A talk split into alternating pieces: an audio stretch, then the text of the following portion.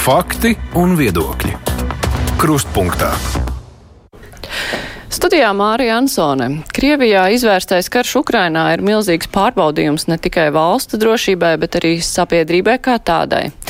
Viedokļi saistībā ar TV Reina apraides atļaujas anulēšanu ir izgājuši tālu aiz tā, kas skar viena telekanāla darbību un ir indikators plašākām problēmām. Tā būs viena daļa no sarunas šodien kruspunktā mūsu studijā, šodien šajā ļoti sniegainajā dienā, kad visa satiksme ir bijusi sabremzēta un pēdējā brīdī ir ieradies eksprezidents Valdis Atlers. Labdien!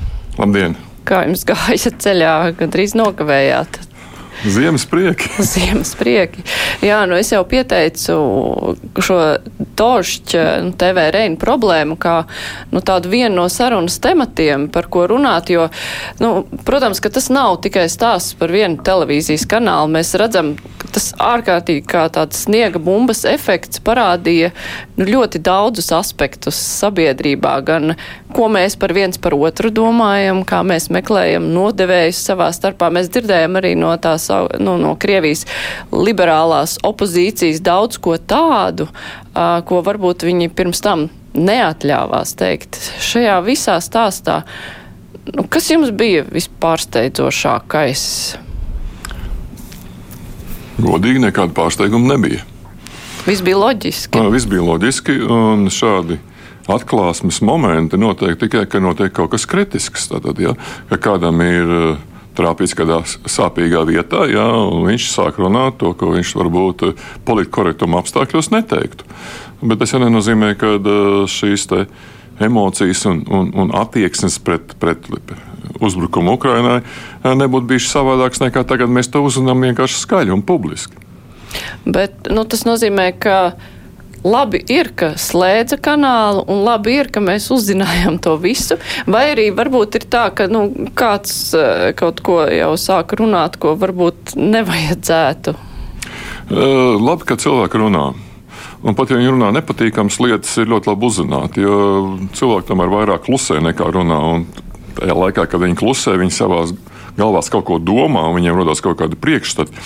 Es domāju, ka paskatīsimies uz to ļoti pozitīvi. Tad, tajā brīdī, kad uh, Dožs pameta Krieviju, ja, mēs viņiem piedāvājām iespēju, demokrātisku iespēju, ja, tātad dzīvot demokrātiskā valstī, veidot demokrātisku mēdīju, tikai ar vienu nosacījumu - atbilstoši ja, mūsu valsts likumiem, kas nepieļauj kara propagandu, kas ir skaidri pateikts. Un šī sarkanā līnija ir noteikti ne jau tāpēc, ka kādam tas eh, vienkārši ir ienācis prātā, bet tāpēc, Eh, lai saglabātu stabilitāti un mieru visā Latvijas sabiedrībā. Šī sarkanā līnija pasargā ne tikai latviešus, bet pasargā arī Latvijas krievus, un arī bēgļus, kas ir ienākuši no Ukrainas, un arī emigrantus, kas ir iebraukuši no Krievijas. Tad šī stabilitāte ir vissvarīgākā. Vispārējais ir tikai, kā saka, putas ap to. Uh, un, protams, uh, vēl ir labi, ka mēs nebijām tik saka, naivi, bailīgi un tādi. Nu, uh, ļoti politiski korekti, nu, ko jūs tur pārteicāties. Mēs sapratām tajā brīdī, ja jau reiz tas uh, notiek, tad mēs arī reaģējam tā, kā to paredz mūsu likumi, tā kā mēs redzam šo situāciju. Jo, ziniet, nu, tā bija pārāk būtiska pārteikšanās. Tāpēc nu, es domāju, ka jā. mēs esam izgājuši šim ciklam cauri. Tātad mēs piedāvājam iespēju, mēs bijām ļoti atvērti. Došs to, kā saka, nenovērtēja, vai arī pārvērtēja. Grūti pateikt, kas bija viņu galvās. Ja, bet, eh, Un, uh, tad mums bija tāda naivā ilūzija, ka nu, mums visu laiku tās cīņas par krievu mēdīju, tas ir mē, Latvijas mēdīju, krievu valodā. Ja, un, ai, cik labi atnāca Gožs, mums nekas nav jādara, viņi darīs mūsu vietā. Un tas, ko viņi darīja, sāk mūs reāli kritizēt par lietām, kas mums ļoti svarīgas. Bet tā, tā bija uh, viņa politika, vai viņa vienkārši tā bija? At Viņi, viņi tādi bija, tādi viņi ir un tādi viņi būs. Ja? Jo, es pabeigšu to domu. Mm -hmm, jā, es kad, Un atkal tas parādīja to, cik mēs esam bijuši drusku maždošīgi, ja? atvērti sabiedrisko, vai uzsvēršu sabiedrisko, nevis privāto mēdīju, krievu valodā.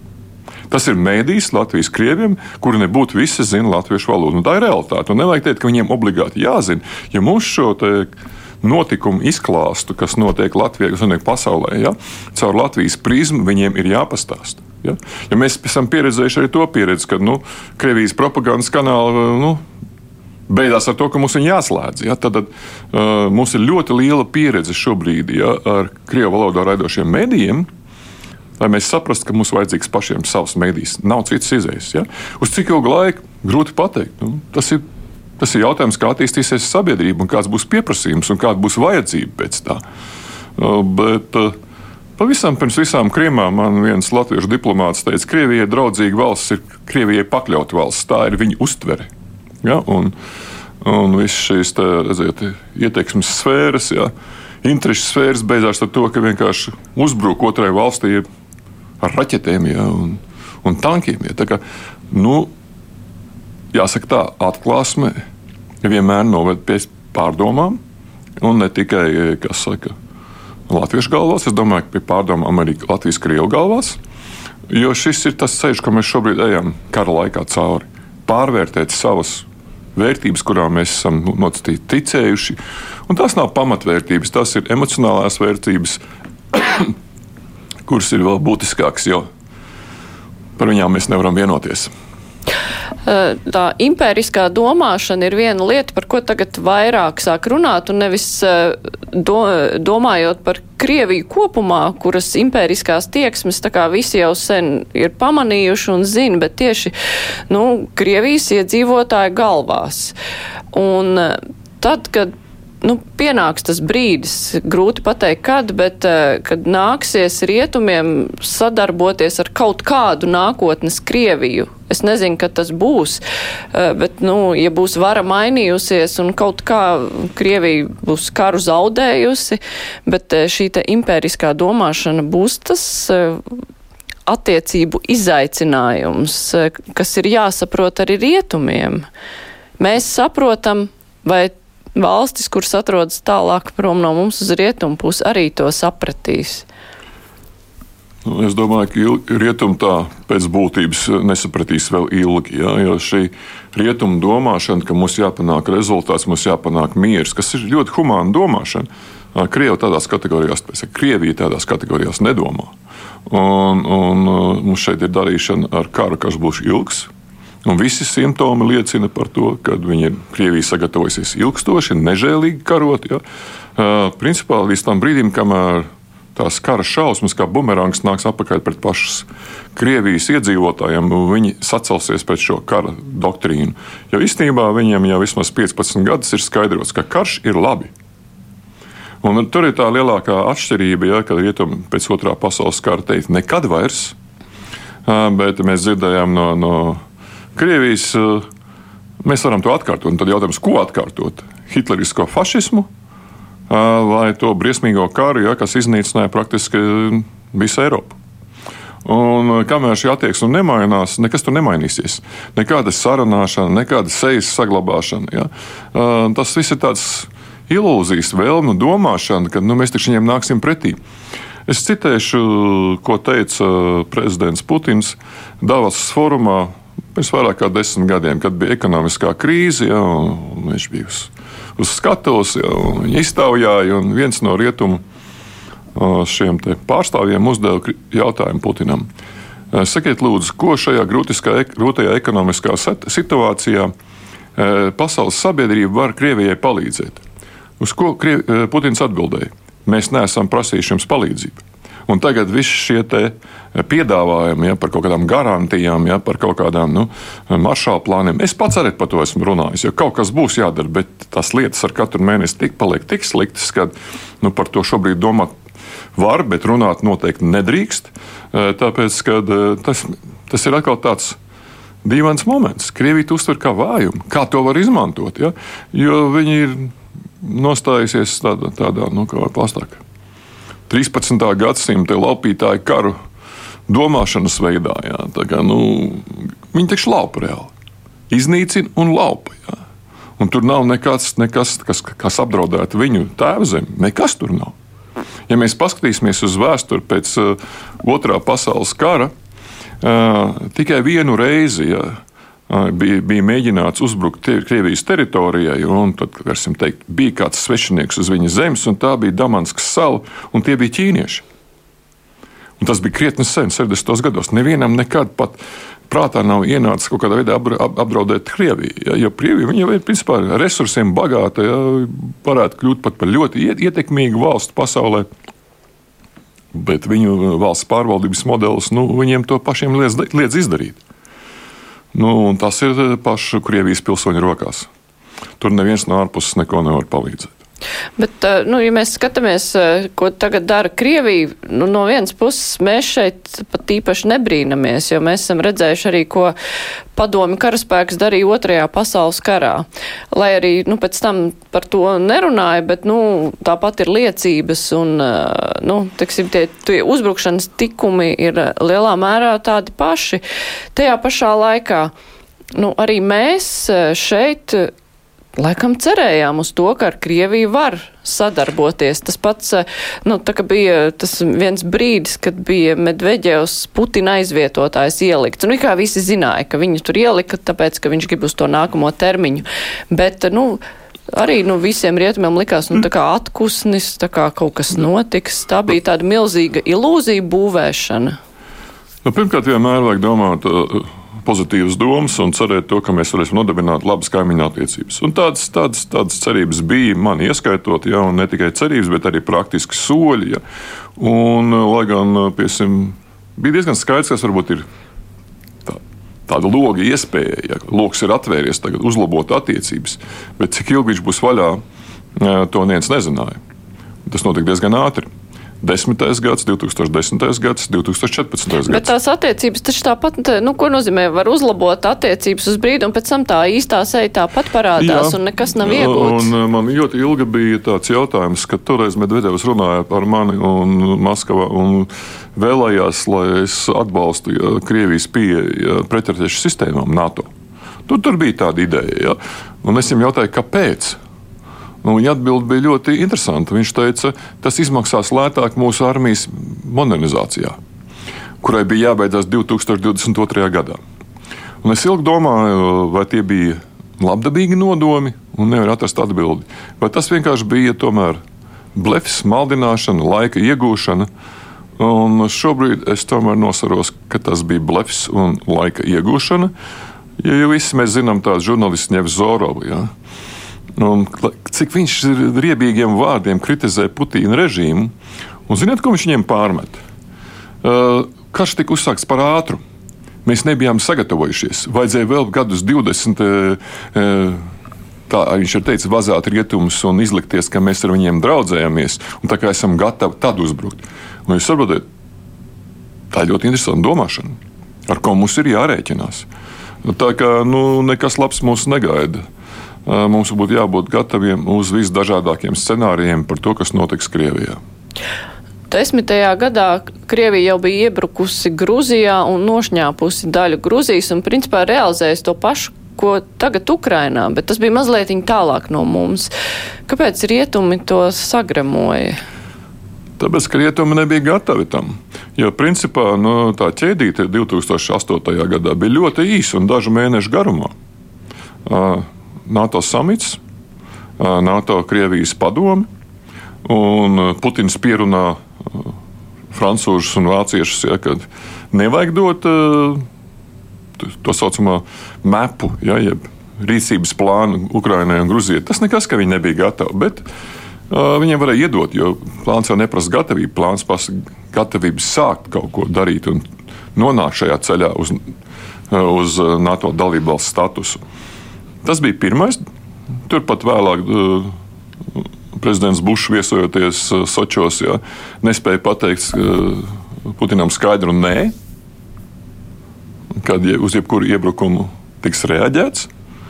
Nu, grūti pateikt, kāpēc Bušs to darīja, jā, bet fakts tāds, ka nu, tad bija iebrukums Grūzijā. Un, un tas notika praktiski no, nu, no māja līdz augustam, dažu mēnešu laikā. Tā kā nu, Krievijas gatavošanos karam vienmēr var pamanīt, bet rietumiem ļoti gribās neredzēt to, jo viņi ļoti negrib karu. Bet, kā mēs redzam, šī nespēja saskatīt ja, apdraudējumu, ja, noved pie tā, ka mums ir īsts karš, ļoti nežēlīgs karš. Es teikšu, noteikti nežēlīgākais pēc otrā pasaules kara Eiropā. Jo, un mēs nezinām, kā ar to visu tikt galā. Kādas ir jūsu domas? Kā tas izvērtīsies tālāk? Jūs jau minējāt, ka tas būs ilgi un ka tas būs sāpīgi, bet nu, tas jau aizsāks. Krievija ne tikai zaudēs karu, Mēs pieņemam, ka zaudēs karu, jo rietumi vienkārši nevar pieļaut, ka Krievija nezaudē. Bet kas tur tālāk notiks? Nu, tas ir drusku no, tā, no tādas zinātniskās, fantastiskas sfēras, no, jā. Jā, tā, ko darīt pēc tam. Un man bija ļoti interesanti, ka man bija iespēja satikties ar ANO ģenerālsekretāru Guterešu. Un, Uz jautājumu, manu jautājumu, vai tiek domāts par, par zilām ķirverēm, jā, par kādu neitrālu karaspēku, kas radīs šo delimilitārito zonu, kas kontrolēs. Nu, mums ir arī Korejā piemērs. Mums ir četras jūdzes, jā, un tur nav neviena karavīra, tur nav neviens. Jā, un, un, un, un kaut kādā veidā attālināt vienu no otru. Lai gan attālināt, kad karajošām pusēm ir tāls darbības raķetes, tad nu, ir diezgan grūti, bet katrā ziņā lai nebūtu tiešā kontakta, lai nebūtu šo netīšo šāvienu, kas atkal visu sa saīsina. Uh, vēl viens fakts, ko cilvēki neatcerās, ka, ka 2008. gadā Krievija vienpusē izstājās uz uh, parasto ieroču kontrolas līgumu Eiropā. Un tas paredzēja noteiktā zonā, tad, vai 100 vai 200 km no robežas, neturēt noteiktas ieroču kategorijas, tātad neturēt smagos ieročus un tā, lai Visi zinātu, ka šeit nav nekāda agresīva nodoma. Un arguments bija vienkārši: neviens mūsu Krievijā neuzraudzīs un neliks novietot mūsu bruņotos spēkus, kur mēs vēlamies, tur arī liksim. Tad tas jau bija pirmais solis no tā. Un neko nevarēja izdarīt, tāpēc ka līgums bija tas saslēgts. Kad no viņa varēja izstāties. Un, nu, Faktiski tas jau bija, ja mēs tam skatāmies tā ļoti gudri atpakaļ, tas jau bija viens no soļiem, ja, kas, kas tika spērti, ja, lai sagatavotu iebrukumu Ukrajinā.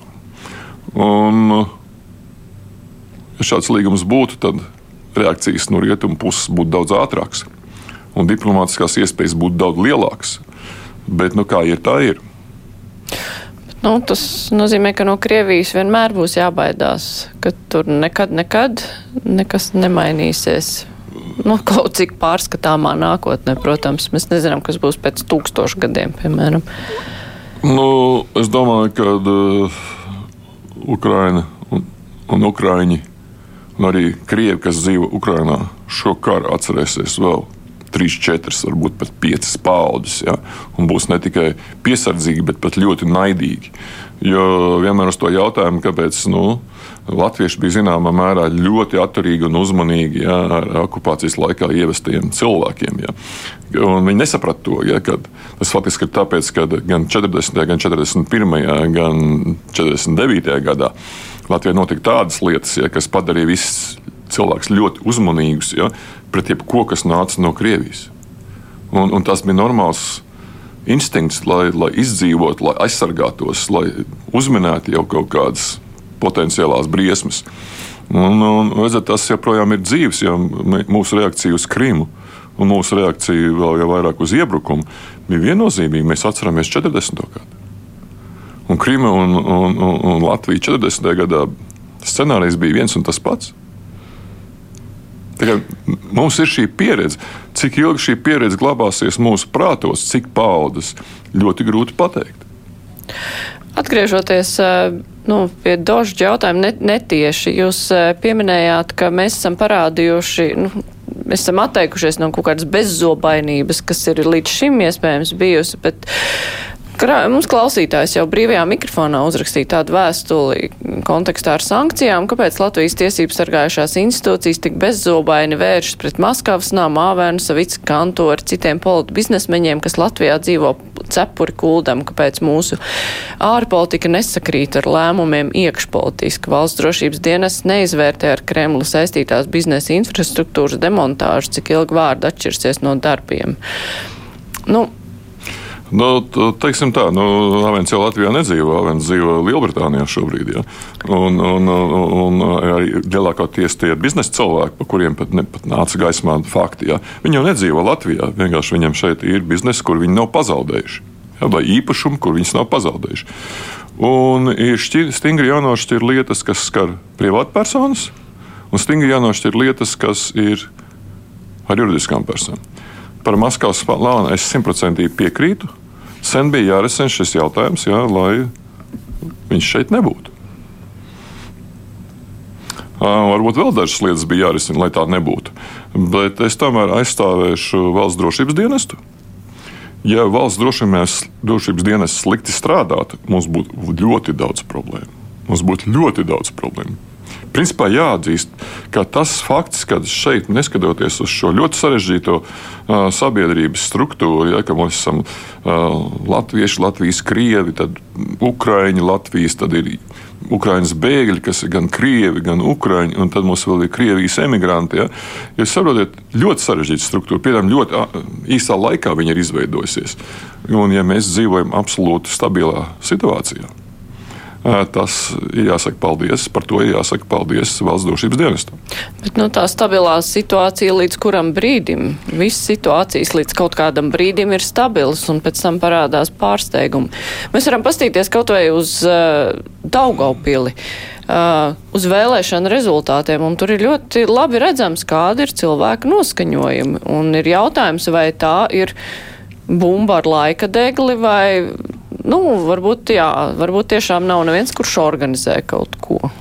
Nu, ir ļoti skaidri pateicis, ka es varu teikt, kur ir sarkanā līnija, ja, un, un arī ir valsts iestādes, kas tam skatās līdzi. Ja, kuri cilvēki pārkāpj šo sarkano līniju, tātad naida kurināšana, tātad kara propaganda, ja, kas ir visu Latvijā dzīvojošo cilvēku interesēs. Tāpat ir pienācis tas paradoks, ja, kad tas, ka tu esi atbalstošs Krievijai un Putina režīmam, tevi nepasargā no Krievijas raķetēm un, un tankiem, kā to pierādīja Harkova un Marijampoli, ja, bet šī NATO klātbūtne pasargā. Un arī tas ir tāds temats, par ko tiem, kas nu, šaubās. Ir par ko padomāt. Bet ir jautājums, vai viņi to saprot. Pirmkārt, Lēnām. jautājums, vai, te, vai tie cilvēki mūs klausās, kur to saka. Un otra lieta ir, vai tiešām aizdomājas līdz tam, ka pēc tam jau tās bumbas nešķiro un lodas. Es domāju, ka vēl neaizdomājās, bet nevajag steigties. Cilvēkam izmainīt savus uzskatus un pašam izmainīt, tas prasa laiku. Es domāju, ka ļoti svarīgi ir dot informāciju, bet nespiest ar varu mainīt domas, jo tas rada pretēju efektu. Jo tas pat pārsteigums, kas bija nu, nu daudzos Latvijas krievos, ja pēc padomu pieminiektu ja, nojaukšanas, ja, nebija saka, sadursme ja, starp Latvijas krieviem un, un, un latviešiem. Bet eh, es vienmēr teicu, jums ir jāpadomā, ir, tas ir Latvijas krieviem, jāpadomā par to, ka tā demokrātija deva jums iespēju ja, tur izpausties, bet tas nenozīmē, ka kad latviešu prātos un sevišķi sirdīs, ja tas bija kaut kas patīkams, mēs to piecietām. Bet šajā brīdī, kad sākās karš, vairs nekāda šāda pieciešana nevar būt. Skaidri, kurā pusē tu esi. Tu esi par brīvību, demokrātiju, jau mieru, vai tu esi par karu fašismu faktiski. Jo mums, ja paskatāmies uz to, kas ir sasniegts Krievijā, kā sabiedrības attīstībā, tur reāli ir Krievijas fašisms, Krievijas nacisms. Visa tā ideoloģija, kur viņi balstās, tas nav tikai militārā ideoloģija, tad karš ir labs un mēs karosim. Bet tur jau ir šī pārākuma sajūta. Ja? Un viņi ir divos līmeņos, kā mēs sākam runāt šajā intelektuālā līmenī, kur vienkārši ir intelektuāla augstprātība. Ja? Mēs esam labākie, visiem ar mums jārēķinās. Un, Un tad tas ir zemākā līmenī, kur tas vienkārši ir urā patriotisms. Ar urā es esmu mieru skriet virsū arī lodēm. Bet uh, tomēr kaut kur uh, Latgales pierobežā, tas ir, uh, kur ir Baltkrievija blakus, kur ir Krievija blakus. Kur nu, ir viena daļa cilvēku, kuri nemaz pat nepūlās skatīties Latvijas mēdīs, kuri uzliek savu šķīvi uz otru pusi un viņi joprojām dzīvo tur. Un, un viņiem fašisti atrodas šai pusē. Viņiem fašisti nav tie, kur ir iebrukuši Ukrainā. Un jautājums, vai viņi kaut ko vispār dzird no tā, ko mēs runājam. Droši vien, ka viena daļa nedzird, viena daļa dzird, bet mums jābūt ļoti pacietīgiem, jo šī tēma jau bija aktuāla pirms 20 gadiem un pirms 25 gadiem. Mēs sapratām, ka uh, mūsu cilvēkiem vienkārši skalo smadzenes. Mēs to pašu pieļāvām. Ja? Tad, ja mums likās, ka nu, vārda brīvība ir svarīgāka par vispārējo, jā. jā, tā tas ir. Vārda brīvība ir svarīgāka par vispārējo, bet kara apstākļos es vēlēs teikt, ir šī sarkanā līnija, kurā pusē tu esi. Nu, lūk, un te mēs nonākam pie diezgan daudziem politiķiem Latvijā, kuri nevar skaidri pateikt, kurā pusē viņi ir. Ja viņiem uzdod konkrēti jautājumu par to, vai viņi uzskata, ka Krievija ir agresors, viņi neatbild uz šo jautājumu. Un tādā veidā viņi koķetē ar to sabiedrības daļu, kur uzskata, ka agresors atrodas Ukrainā.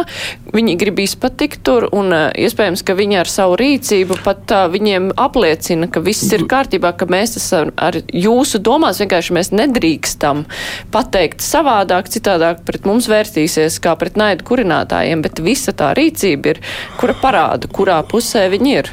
Tikai vārdiem nevar piesieties. Es esmu no savas ārsta prakses viena analoģija. Uzdod cilvēkam jautājumu, vai jūs šīs zāles palīdzēja, un viņš saka, jā, tas nozīmē, ka palīdzēja. Ja viņš saka, mazliet, tas nozīmē, ka nepalīdzēja.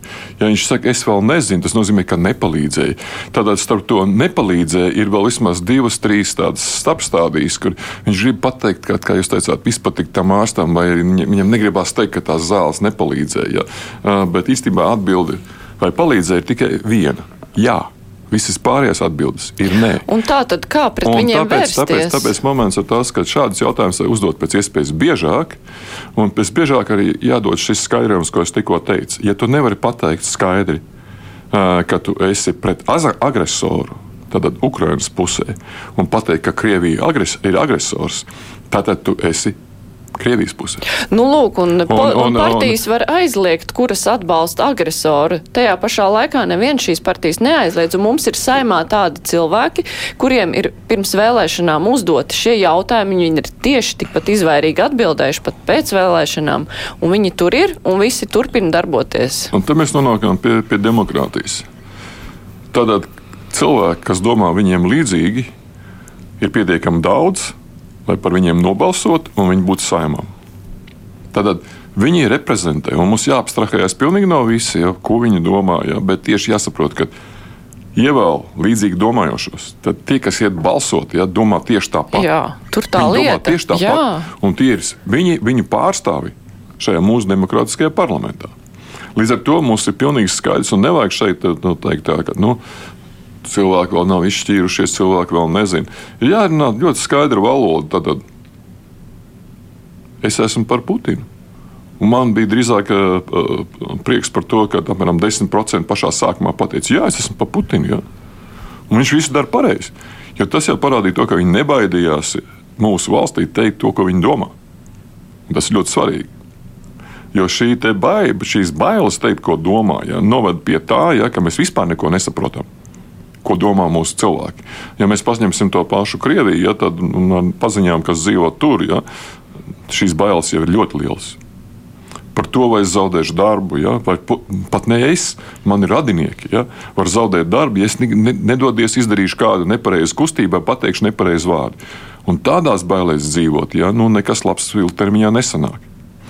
Jo jūs, mums jāsaprot to, ka Krievija mainīsies ļoti garā ilgtermiņā ja visi šie, šie, šie, šie vēlmju domāšanas piemēri, ja, ka tūdaļ sabruks viņa ekonomika, ja, ka tūdaļ viņi tur viss mirs badā, nu nenotiks nekas tāds. Mums jāsaprot, tūdaļ viņiem beigsies raķetes un patronas. Nu, nebeigsies tik drīz viņiem tās raķetes un patronas. Ja. Mums drīzāk jāskatās uz to, eh, kā mēs šajā ilgst, ilgstošajā karā varam uzvarēt. Nu, bet tiem politiķiem, kuri faktiski atbalsta Putinu, viņiem ir jāļauj būt varā, vai tomēr Pa, pa, pa. ja drošības Ja viņi ir- iestādēm ir jāvērš Ja viņi pret to? ir ievēlēti demokrātiskā ceļā, no demokrātiskā sistēmā reģistrētas partijas, viņiem tur ir jābūt. Un, ja mēs sāksim dalīt labajos un sliktajos politiķos, tie, no tiem, kas ir ievēlēti, es vēlreiz teikšu, no tiem, kas ir ievēlēti, par tiem, kas nav ievēlēti, dariet, ko jūs gribat ar viņiem. Ja? Varat, tur var būt cita cīņa, bet šajā saimā ir ievēlēti tieši tādi cilvēki, kādi ir ievēlēti, un mēs no katra no viņiem stāvētais. Un, ja mēs atteiksimies no šī principa, lai gan mums ļoti var nepatikt daļa no viņiem, mēs zaudēsim. Bet uh, likums liedz naida izpausmes, kara atbalstīšanu partijām. Likums ļauj slēgt šādu politisku organizāciju, bet viss ir atkarīgs no interpretācijas. Kā mēs interpretējam, ja pasaka tā veikli, ka nevar pateikt, ka es atbalstu karu, nu tad uh, nevar slēgt partiju, bet doma ir Arī tieši tā pati. Arī tas ir daudz, jo tas nozīmē, ka tomēr arī šiem cilvēkiem, kas varbūt domā tādās Krievijas kategorijās, jā, viņiem tomēr ir nu, maziņš, bet tomēr respekts pret Latvijas valsti. Ka likumi ir jāievēro, un arī šī uzmanīgā izteikšanās ja, viņiem ir nu, raksturīga tikai tāpēc, ka viņi negrib zaudēt šo saikni ar Latvijas valsti. Ja. Protams, tur daļa ir tāda profesionāla, kas saka, dumpinieka, Lindermans vai kā Ždanoka, ja, kas, kas nu, vienkārši viņi savādāk nevar. Ja. Bet viņi izmantos jebkuru iespēju, lai, lai vienkārši nu, lai, lai būtu tādā dziļā, radikālā opozīcijā Latvijas valstī. Nu labi. Būs jāparunā arī par valdību un Nu, par tiem. Jūs saprotat, ka mums ir jāsaprot viena lieta. Ja mēs šobrīd esam stipri, un tas, ka mēs slēdzām dožģi, un pēc tam Igaunija un Lietuva pievienojās, ja, o, Viņiem arī nekas cits neatlika Nē, nu, viņi varēja darīt savādāk. Viņas ir demokrātiskas valstis un neatkarīgas valstis. Tas nozīmē, ka mēs patiesībā esam jau pietiekami stipri, lai spētu ja, paši va va vadīt ja, procesus mūsu sabiedrībā. Vienkārši tas ir jādara uzmanīgi. Un drīzāk es teiktu, ja, ka šobrīd nevajadzētu maidīties politiķiem. Tie, kas ir par Ukrajinu, tie, kas ir par Latvijas valsts neatkarību un mieru, ja, ā, runāt arī, arī, arī, ar Latvijas krieviem. Man tie pārējie, pārējās grupas daudz neinteresē, bet Latvijas krievi ir tā vienīgā iespēja, ar ko mēs varam stabilizēt savu sa nāciju nākotnē. Un uz šo muļķīgo jautājumu, kad mēs sāksim būvēt politisko nāciju, es vienmēr saku, mēs jau viņu būvējam 30 gadus. Tāpat kā uz jautājumu, kāpēc mums pēkšņi jāpēta uh, skolās tikai uz latviešu valodu, es saku, to mēs zinājām pirms 20 gadiem. Pietiekami pakāpeniski mēs esam gājuši, ja, lai šodien kļūtu stipri un varētu būt ļoti noteikti savā rīcībās un arī savos vārdos. Un nebaidīties pats galvenais. Ko par mums kāds pateiks? Nu, jā. Labi, es atgādināšu klausītājiem, vēlāk Latvijas televīzijas skatītājiem, ka šodien kopā ar mums ir eksprezidents Valdis Atlers, un mēs tūlīt turpināsim sarunu. Raidījums Krustpunktā. Es gribēju par valdības veidošanu. Šonadēļ laikam būs valdība, tā izskatās, bet eh, šodien ir kāds 13. decembris. 12. 12. decembris, jau rītdienā. Un vēlēšanas bija 1. oktobrī. Labi, jaunā saima tur pēc mēneša sanāca. Ir, nu, tas process garš sanācis. Un šoreiz bija tā, ka arī premjeru kandidātu prezidents nominēja tikai pēc tam, ka bija skaidrs, nu, tu, kuras partijas tur varētu būt kopā. Jūs, ja būtu prezidents, jūs arī būtu tik ilgi vilcis garumā vai tā ātrāk tā, lai. Nu, šo jautājumu es varētu ļoti noteikti. Pirmā saimnes sēdēs nosaukt premjeru kandidātu tieši tāpat, kā es darīju ar Valdu Dombrovsku. Ja, tad, ja ir skaidra koalīcija, ja ir skaidrs, kurš ir vadošais spēks šajā koalīcijā un kurš šā vadošās partijas ja, līderis, ja, tad tur nevajag neko kavēties. Ja, jo satversme nosaka, ka eh, tieši prezidenta aicināts ministra prezidenta kandidāts sāk veidot valdību.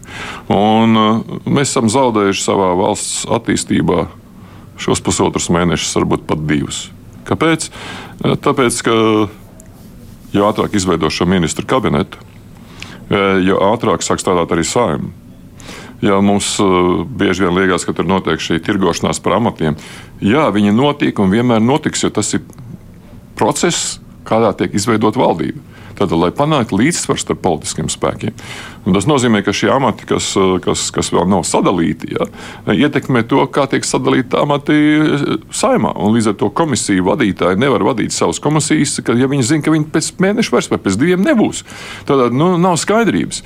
Nu, īstenībā, ja mēs gribam dinamiku, ja sevišķi šādā situācijā, kā faktiski šī ir otrā kariņa valdība, tad pēc četriem gadiem viņš atkal veido valdību, ja pēc četru gadu darba, tad šī vilcināšana man absolūti nav saprotama, jo es neredzu nekādas iegūmas no tā.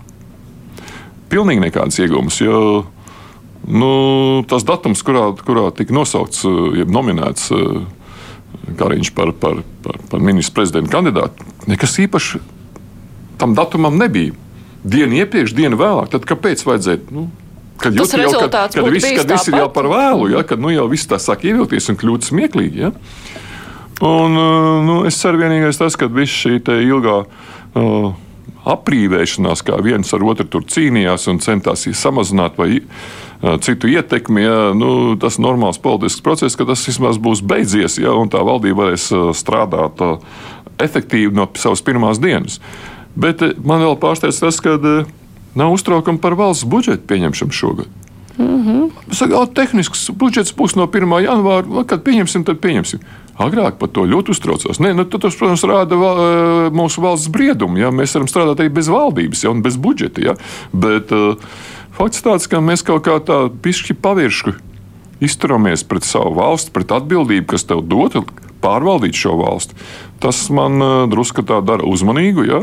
jo ir viena kaita, kas nogalina visas politikas, nogalina arī valstis, nogalina uzņēmumus. Tā ir augstprātība. Un, ja šeit sāk parādīties augstprātība, ja, tad nu, nekā laba tur nebūs. Savā laikā, kad jūs nācāt ar lēmumu par saimnes atlaišanu, nu, tas iedarbināja procesus, kad šķita, nu, ka visas tās oligarhu sarunas, eh, lietu kārtošana viesnīcās, eh, nu, ka tas eh, iet uz pagātni prom. Pēc šīm vēlēšanām jau atkal ieskanās, ka, nu, kaut kas sāka tāda pagātnes smaciņa mazliet parādīties. Vai jums arī tāda sajūta rodas, ka ir radusies, nu, ka kaut kas uzvējo no vecajiem laikiem, vai nē, tomēr? Es domāju tikai personāži, ja? Tad lēmumu pieņemšanas tās tie procesi, viņi jau ir daudz savādāki. Jā, un, un nav arī tas, kas toreiz bija, ko neviens negrib atzīt. Jā, kad īstenībā tajās pirtīs un, un, un, un viesnīcās tikās gan pozīcijas, pozīcijas, gan opozīcijas, gan vispār. Ārpus parlamenta esoši zini, politiķi un uzņēmēji, jā, un tad viņi vienkārši neņēma galvā to, ka valstī pastāv zināmā iekārta, ja, kur, kur, kur pārvalda valstī. Tad bija paralēlā valdība faktiski. Ja. Un varbūt viņam tas ir liels gods, bet nu, realitātē tā tas bija. Viņi centās ietekmēt pilnīgi visus procesus savā sarunās. Es nedomāju, ka šobrīd tas tā ir. Tas laiks ir aizgājis uz neatgriešanos. Es domāju, ka vienīgais, kas mums te uzveidīja, ir personāži. Ja? Un, un tas liek mums domāt, ja, ka nekas nav panākts šajos desmit gados. Ir panākts ļoti daudz, bet ziniet, kad Viss jaunais vienmēr ir labi aizmirsts vecais. Ja? Tikpat jaunās paudzes politiķiem var iepatikties, vai viņiem var rasties idejas, ka arī tā var pārvaldīt valsti. Ja? Nu, nu, tā jāskatās. Mēs nedrīkstam atlaist, mums ir jāskatās visu laiku. Mm. Bet eh, šī saima būs labāka par iepriekšējo. Iepriekšējā bija, nu, tā radīja tādu hausu iespēju, bija ārkārtīgi daudz deputātu, kur aizgāja no partijām, tur bija lielākā daļa deputātu, nu, trešdaļa, man liekas, bija prom jau no savām nu, partijām. Nu, noteikti viņi būs, būs stabilāki, bet mēs redzam arī to, ka faktiski tās, kas ir ilg, ilglaicīgas partijas, kā Nacionālā apvienība, Jaunā vienotība, ja, Zaļo zemnieku savienība. Ja, Zemnieku savienība nav nekāda viņa zaļie. Ja. Tad viņiem šis mehānisms jau ir ieļauts. Un tā pašā laikā apvienotais saraksts, kurā arī ir, ir, ir ļoti talantīgi cilvēki, ja? nu, viņš nav ieļauts. Viņiem ir nu, jāpanāk to, ka viņi domā līdzīgi, viņiem jāpanāk kaut kāda sistēma, kā viņi pieņem lēmumus. Ja? Un, un, Un kā viņi izstāsta, kā mēs viņus saprotam, kā mēs vēlētāji viņus saprotam. Un tas pats ir arī eh, par, par Rostrokovu partiju. Ja? Tad, tad viens jau nezina, kas viņi tādi ir. Ko viņi stāstīs? Pagaidām viņi vienkārši balso visam pretī. Ja? Nu, nu, tā, nu. Nē, ir daži balsojumi, kur viņi balso kopā ar koalīcijas partiju. Nu, skatīsimies, jo redziet, pēc, pēc, pēc uh, mēneša mēs neko nevaram pateikt, un reālais darbs sāksies tikai nākošais gads, un tad mēs arī redzēsim vasarā pirmās iezīmes, jo tas prasa laiku. Tas prasa laiku.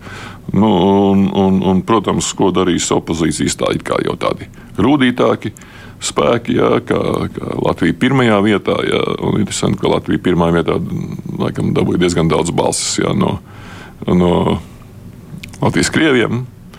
Un ko darīs arī šī zemnieku savienība? Jā, jo, nu, vajag jauns līderis, vajag skaidru ideoloģiju, ka nu, tas ir par ko jūs esat. Jā.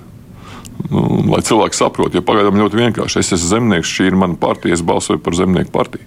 Ja? Nu, Viss tā vienkārši, ja, ja man patīk Lembergs, es tāpēc balsoju par Lembergu. Ja? Šajā ziņā viņa ir tomēr nu, tāda nu, vēl arī nestabila partija. Bet apvienoto sarakstu bieži salīdzina ar reformu partiju kur arī nu, īsi pirms vēlēšanām sanāca kopā cilvēki, kuri savā starpā nebija pat lāgā pazīstami, un tad beigās tur notika tāda sabiršana. Vai apvienotiem sarakstam tas pats varētu draudēt ir ar to, ka nu, viņi nav sastrādājušies kopā? Tas ir viņa izaicinājums, sanāks vai nesanāks. Protams, reforma partijai bija vēl trakāk, jā, jo tur bija visi protestētāji ja šeit vēl ir sanākuši visi, kas grib kaut ko darīt, tad tur bija liela protestētāji. Un tā pieredze, ka nu, gada garumā mēs rakstījām partijas programmu, un kad mēs panācām tā, lai visiem viņa patiktu, tad konstatējām, ka tur nekas nav pateikts. Jo tik dažādas uh, viedokļus salikt vienā programmā, uh, tas nozīmē, ka tu, tur ir nekas.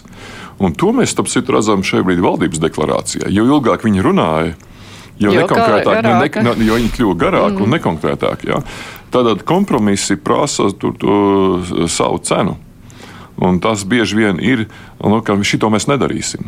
Vai šito mēs pasniegsim tā, ka neviens nevar saprast, vai mēs esam darījuši vai nedarījuši. Ja, tātad šī piekāpšanās starp politiskiem spēkiem un arī pol paša politiskā spēka iekšienē, uh, nu, viņi ir jāiemācās, lai viņi būtu efektīvi. Un to var dabūt uh, šo pieredzi tikai strādājot. Un to mēs par, to parādīs nākotnē. Bet, ja mēs gribam novērtēt, uh, katras nākošās vēlēšanas parāda lielāku briedumu Latvijas sabiedrībā un noskaņojumu. noskaņojumu.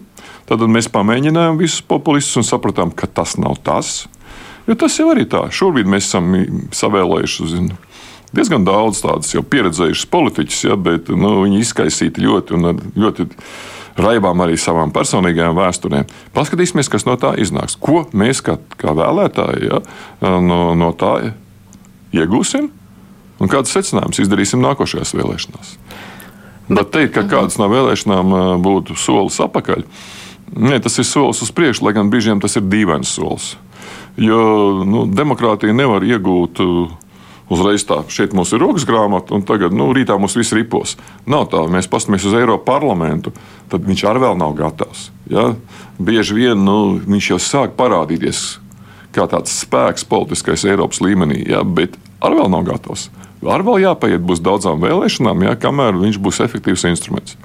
Bet mūsu valstī viena ir cita problēma. Ja, kad, kad uh, faktiski, ja, kad valsti mēs atjaunojām, mums bija politiķu vara, reāla politiķu vara. Ja.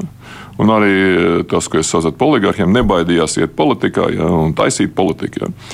Pēc tam uh, kaut kur aptuveni pirms 20, 15 gadiem politiķi sāk zaudēt varu un parādās birokrātu vara. Tad, ierēģņu vara, ja, kas, kas zināja, kā darīt, ko darīt, un varbūt tas vienā brīdī bija labi. Ja, tāpēc, ka nu, politiķi nezināja, ko darīt, un daudzi kļuva par politiķiem no ierēdniecības, tad ar ierēdniecības domāšanu. Un šobrīd mēs esam nonākuši to, ka arī ierēģi ir zaudējuši varu. Varu kurš tad ir ieguvis? Juristi, kas apkalpo ierēģņus. Viņiem pieder galīgais vārds jebkurā politiskā lēmumā. Un tad ir tā ķēdīte. Politiķis pasaka, ierēdnis pajautā juristam, un tad jurists pasaka, būs vai nebūs, un kad būs, un kādā formā būs. Un līdz ar to, ko, kas ir noticis, ir, ir ļoti stīva visa šī valsts pārvaldīšana. Un to jūtam arī mēs vienkārši iedzīvotāji, ja, ja mēs saskaramies ar pašvaldībām vai, vai valsts institūcijām. Kad, Nu, bieži vien mēs saka, ar grūtībām sitamies cauri uz savu mērķi, un bieži vien mēs saņemam tādas papīrus, kur jāpārlasa apmēram desmit reizes, lai vispār saprastu, par ko tur ir runa.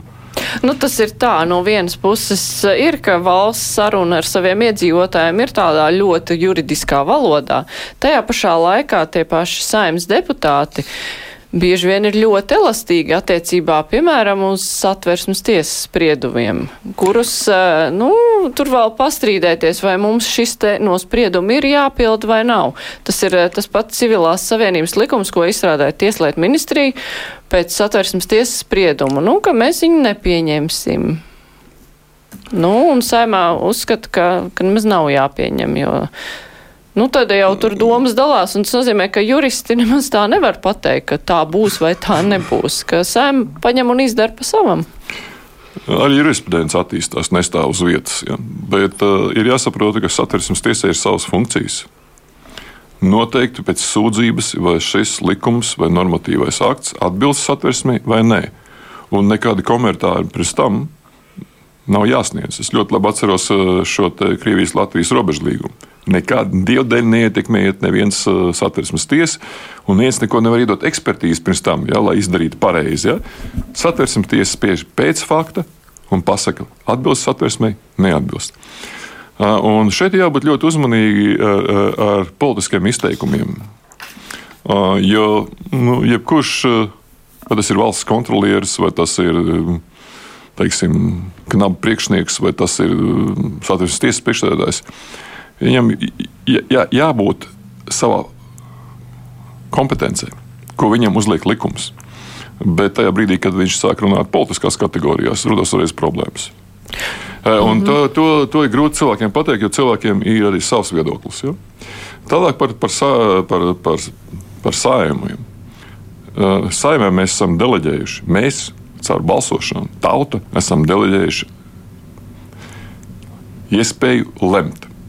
Tātad, ko mēs esam tur ievēlējuši, tā viņi arī lemj.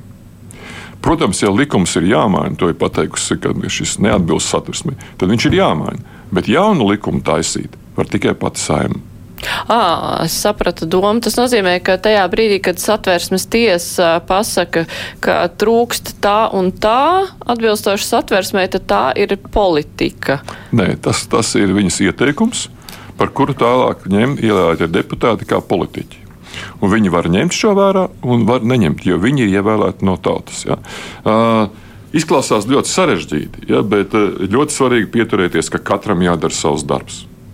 Un tajā brīdī, kad mēs sākam pārbīdīt, mēs graujam ja, šo te, mm, valsts pārvaldības sistēmu un tiesisko sistēmu. Jo tiklīdz es ieraugu kādā, kādā vēlēšana programmā, mainīsim vēlēšanu sistēmu, es uzreiz kļūstu ļoti uzmanīgs. Jo, jo parasti vēlēšana sistēmas maina sev par labu, tie, kas ierosina. Ja? Un tas rada vēlēšanos nākošiem atkal mainīt sistēmu sev par labu. Fakts, ka ir viena sistēma, kura nemainās, tāpat kā mums ir parlamenta vēlēts prezidents, kas nemainās kopš satversmes pieņemšanas praktiski, ja? tad mēs visi zinām, kāda ir spēles noteikumi. Un šajā, šajos noteikumos visiem ir jāpiedalās ar vienādām iespējām un vienādām tiesībām. Vēlēšanās mainīt likumu, vai tā būtu satversme, vai tas būtu vēlēšana likums, liecina par to, ka ir kāda vēlēšanās iegūt savu priekšrocības caur likuma došanas ceļu. Bet tad eh, vēlreiz precizējot, runājot eh, par satversmes tiesas ieteikumu nodrošināt visu ģimeņu aizsardzību, tad eh, satversmes Jā. tiesa šajā brīdī, jūsuprāt, arī pārkāp savas nē. kompetences robežas? Nē, noteikti nē. Noteikti nē, jo tas ir ieteikums. Tas nav. Bet tas nav obligāti pildāms. Pa, pa, pa. Nu, tāpat kā peti, cilvēku petīcijas, ja savāciet tur desmit tūkstoši parakstu, ja, un saimas ja, komisijai ir jāizskata šis, šis ieteikums, ja, un vai nu jānoraida, vai jādod saimai tālākai lemšanai. Un ļoti daudz petīcijas tā tiek noraidītas. Ja, un citas petīcijas iet saka, šo ceļu uz saimnes komisijām, bet tikai retāk, kur nonāk līdz likumam. Jo šeit ir arī tas, tas veids, kādā veidā mēs panākam kompromisus. Ja? Un, uh, par to, vai ieteikums pilda vai nepilda, pilnīgi politiskā atbildība ir tiem, kas šos lēmumus pieņem. uzsver, un mēs esam tā kaut kā vienmēr aizmirsuši, ka nu, politiskā atbild, atbild, atbildība nu, tas jau nekas nav. Paskatieties! Tur dažas partijas, vispār trīs no tām, ja lielajām partijām vienkārši niekļuva vispār saimā. Un tā ir tā politiskā atbildība, kas viņus sodīja. Mums ir trīs minūtes un palikuši pat mazliet mazāk nu, par šīs valdības likteni, kura tiks nu, jādomā apstiprināt šonadēļ. Īsa vai gara būs, kā jums šķiet? To neviens nezina. Tas at, at, ir pilnīgi atkarīgs no viņa lēmumiem. Katrs lēmums, vai nu, ko pieņems valdība, vai nu šķels viņu, vai arī stiprinās viņu. Un, uh, ir pilnīgi muļķīgi domāt, ka kāds gāž valdību, valdības izjūgt no iekšpuses. Un tomēr šoreiz tur ir tikai trīs partneri. Tikai trīs partneri, bet diezgan atšķirīgas domas atsevišķos jautājumos. Vai Jā. šie atsevišķie jautājumi var sagāzt uh, valdību vai nevar? Vai tajos nu, lielajos uzdevumos, ar ko tagad būs jātiek galā, tur viņi būs vienoti? Viss ir atkarīgs no ministra prezidenta, kā viņš vada šīs trīs partijas kopējam darbam. Un kā viņš māca viņus saka, saliedēt, ja, un, un kā viņš māca arī viņus nesašķelt. Jo trīs ir tā, tā, tā vājākā kombinācija, ka vienmēr divi var sacelties par trešo. Ja. Bet nu mums ir tā, tā aritmētika, ja, kas, kas liecina, ka nu, diezgan grūti būs tā izdarīt. Ja. Var izdarīt, bet vai tas ir vajadzīgs? Bet eh, nu, tas process, kas parādījās, ka sākumā šķita, ka tie divi sacelsies ar laiku pret trešo, bet tad eh, premjeras parādīja diezgan nu, viltīgus soļus, lai nu, katrs būtu pa sevi. Nu, nu, man tas ir grūti pateikt, ir tā politiskā izveicība, politiskā veiklība un arī politiskā viltība, kas, kas ir jāpiemīt politiķiem. Ja viņi viņas nav, viņas vienkārši izsviež ārā no, no politiskās tās vides. Ja. Bet ļoti svarīgi, kā, kā sevi parādīs jaunie ministri. Jo ir ļoti daudz ministrijas, kuras vadīs cilvēki, ja, kur bez iepriekšējas pieredzes gan valdības darbā, gan arī bez iepriekšējas pieredzes pie konkrētas ministrijas darbā. Un tas noteiks ļoti daudz. Jo, ziniet, kā saka, pirmais iznāciens nosaka visu, pirmais iespējas nosaka visu, ko teiks nozare. Ja? Kā viņi uzņems, kā būs šis kontakts. Ja? Tā kā nu, es novēlu valdībai strādāt. Ja? Un, un, un, lai strīdi būtu tikai par praktiskām lietām, nevis par sīkumiem. Nu jā, jācer, ka tie strīdi ir bijuši un ka tagad varēs patiešām strādāt, jo visi jau ir nu, Mēs taču visi gaidām, ka valdība strādās, bet tad mēs tiešām nu, gribam nu, valdību, bet... kur nestrādā. Nu, neviens to negrib. Nu. Protams, un galvenais, ka lai beidzot tā valdība ir. Es teikšu paldies. Šodien kopā ar mums bija eksprezidents Valdis Zatlers, bet šodien kruspunktā izskan raidījuma producenti Revi Junām un studijā bija Mārija Ansone.